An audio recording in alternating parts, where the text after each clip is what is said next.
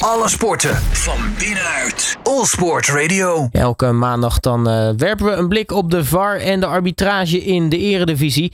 En afgelopen weekend werd alweer de laatste speelronde van dit kalenderjaar gespeeld. Want door het WK is het nu al winterstop. Ja, welke scheidsrechter gaan we zometeen afzien sluiten als uh, herfstmeister? Nou, laten we het dan uh, Mario gaan vragen. Natuurlijk sowieso wat hem is opgevallen tijdens deze speelronde. Maar natuurlijk ook de twee inhaalwedstrijden nog van uh, speelronde 12. Mario, hele goedemiddag. Hey, goedemiddag Robert. Ja, ja, laten we maar beginnen met trouwens die twee inhaalwedstrijden. We waren natuurlijk best wel belangrijke wedstrijden. Ajax Vitesse en Feyenoord Cambuur. Die werden dan respectievelijk gefloten door Lindhout en Manschot. Waren daar eigenlijk bijzonderheden?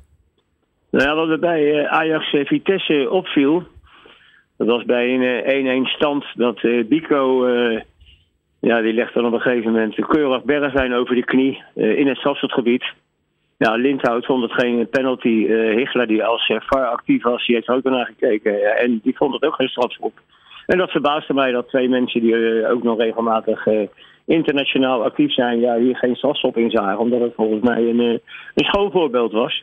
Maar wat er ook opviel in die wedstrijd, was dat acht minuten extra tijd bijgeteld werd. En eigenlijk niemand die op tv zat te kijken of in het stadion zat, die wist waarschijnlijk dat de Lindhout die acht minuten extra tijd vandaan haalde. En ik moest maar weer gelijk denken aan, uh, aan het invoeren van uh, zuivere speeltijd, waar ik een groot voorstander van ben. Dan, uh, dan, dan voorkom je dit soort ja, vra vraagtekens op de gezichten van de mensen die, die naar die wedstrijd zitten te kijken. Dus maar acht minuten was een beetje overdreven. Ehm, nou goed, als ik, dan ga ik maar gelijk even door met, het, met het weekend. Ja. het was eigenlijk een, een op arbitraal gebied een, een redelijk rustig uh, weekend. En dat, dat mag ook wel eens een keer natuurlijk. Ja, en dat, dat terwijl we natuurlijk ook een grote wedstrijd als PSV AZ natuurlijk op het programma hadden. Nou ja, goed, daar heb ik alleen van dat... dat ja, maar goed, ik heb wel het idee dat, dat zeker ook wedstrijden waar in internationals actief waren... die dus naar Qatar gaan... ik weet niet of dat, of dat bewust of onbewust is, maar ik heb toch het idee dat dat mensen, zoals Van Gaal dan zegt, uh, je moet leveren, iets minder leveren dan dat ze normaal gewend zijn. Dat ze toch in het achterhoofd hadden van uh, laten we maar blessurevrij uh, ons vandaag in, in, melden. Maar goed, bij die wedstrijd PSV AZ, daar Cody Gakpo die, die kopte 1-1 binnen, tenminste dat dacht hij zelf. op het randje van buitenspel. De VAR die ging er naar kijken. Want de assistent en de scheidsrechter die hadden dus niet zelf kunnen constateren.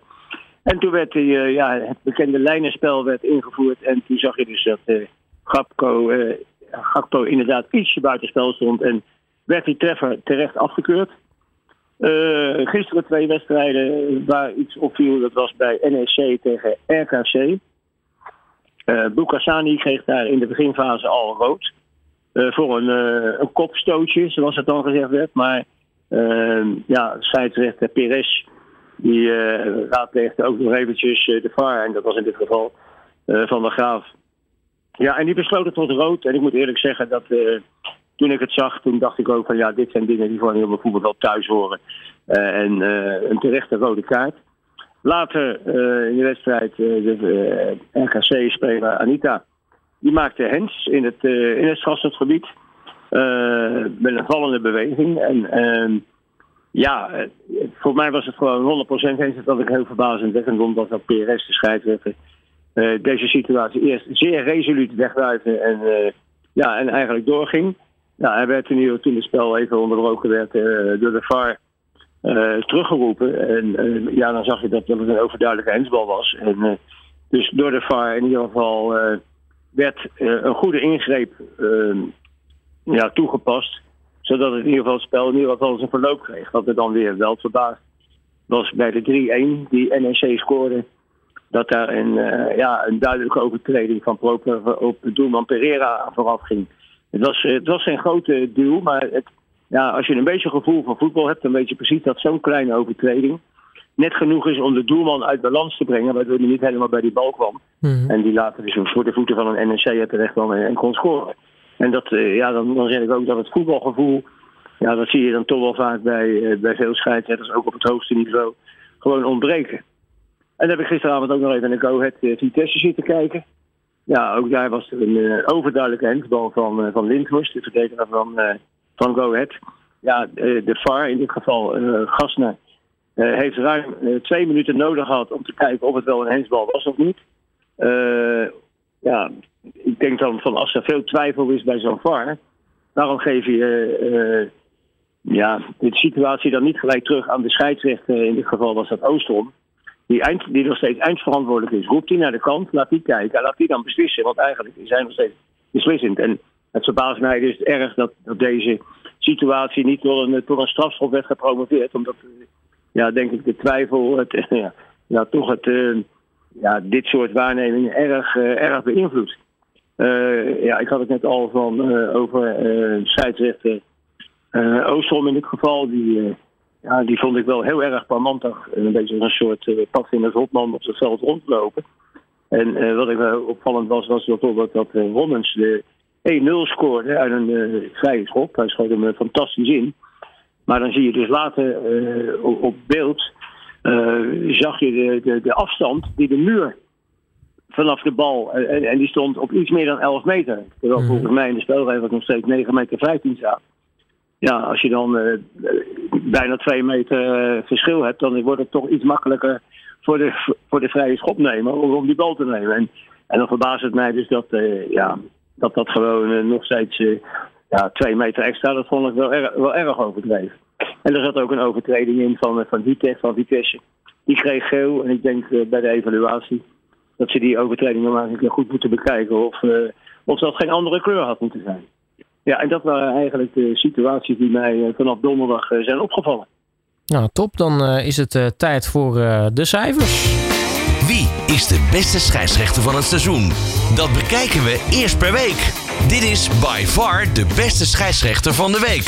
Met Mario van de Ende. Ja, Mario, we hebben natuurlijk dan, nou ja, 9 plus 2 is 11 wedstrijden. wie mag zich by far de beste scheidsrechter van de week noemen? Ja, er kwamen drie scheidsrechters in ieder geval uh, op een voldoende, goede voldoende uit. Van de Eijk, uh, Nachtegaal en Kamphuis. En uh, nou ja, laat, laat die dan eventjes de, eer, de, de eer tussen aanhalingstekens hebben... om bij far de laatste, het, het trio laatste beste scheidsrechters van de week te zijn. Nou, kijk, dat uh, klinkt als een, uh, als een strak plan. En dan uh, zit ik even snel uit mijn hoofd te rekenen. Maar als ik het zo zie, dan mogen, mogen we Jeroen Manschot uitroepen tot, tot herfstmeister. Die is kampioen. Van de, tenminste, de, winterkampioen. Ja, maar we zijn nog niet op de helft van de competitie. Dus laat, laat ook hij zich niet uh, met, met, een dode mus tot blijdschap verleiden. Ja. Nee, precies. Maar goed, uh, we zijn er inderdaad nog niet. het WK staat nu voor de deur, Mario. Wat, wat verwacht jij tot slot van, van Team Makkeli? hoe, zij, nou ja, hoe zij in actie gaan komen? Ja, ik, ik, hoop dat ze het, ik hoop dat ze het goed doen. Ik, uh, maar goed, wij, hebben ook een aantal keren nog dat we contact hebben tijdens, tijdens het WK. Maar op voorhand weet je al dat, ja, dat, dat heel veel politieke beslissingen hier aan, aan de grondslag liggen. Dus je kan bijvoorbeeld goed, goed fluiten, maar je bent altijd afhankelijk van, ja, van hoe, een, hoe een naar je kijkt. en op een wereldtoernooi. Ik heb zelf ook eh, een aantal toernooien mogen fluiten. En ook een keer een, twee toernooien meegemaakt als, eh, als commissielid. Ja, dat, eh, dat, dat, dat, wordt, dat is bijna een politieke opvoering. En ja, hoe, hoe val je in het pulletje? Maar allereerst uh, staat het natuurlijk van hoe presteer je zelf. En ik, ja, we moeten nog even afwachten welke wedstrijd ze mee mogen beginnen. En wat me wel verbaast is dat dat bijvoorbeeld ja, de aanstellingen, dat daar bijvoorbeeld een, de, de, vrouwelijke scheidsrechter uit Frankrijk bij zit, die Frappard. En dat dan Colina, die op het ogenblik bij de FIFA actief is als, als scheidsrechtersbaas, als ik het zo maar even noemen. Dat die dan loopt te roepen dat ze echt voor kwaliteit hebben gekozen. Terwijl deze dame in Frankrijk op de zevende plaats staat. Dus dat, dat verbaast me dan. En daar zie je dus al dat, dat politiek een, ja, ja, een bijna inge, ingevroren plaats inneemt in die, uh, in die FIFA. En, en dat blijf ik jammer vinden, omdat het in mijn optiek om een wereldkampioenschap alleen maar om kwaliteit gaat. Precies, daar wil je natuurlijk de, de beste scheidsrechters van uh, de wereld hebben staan en uh, niet anders. Ja, nou ja, goed. En, dat, uh, en daar heb ik, als ik het lijstje zie, toch wel mijn twijfels. Hè? Want je, je, ziet ook gewoon dat ja, uit, sommige echte grote voetballanden zoals Spanje, dan zeg ik van ja, daar kan je wel drie scheidsrechters vandaan halen. die, die altijd nog, en dan is nummer drie altijd nog beter dan nummer één van de andere land.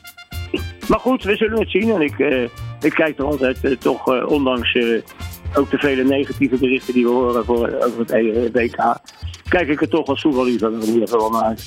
Nou, we gaan in ieder geval nou ja, op, ons, op ons verheugen. We gaan, we gaan er naartoe leven in ieder geval. En Mario, mag ik je hartelijk danken voor je tijd. En wij spreken je natuurlijk wel ergens volgende week. Maar in ieder geval tijdens het WK gaan we, gaan we ook met jou praten over de, de VAR-arbitrage. Dus ik zou zeggen, tot dan.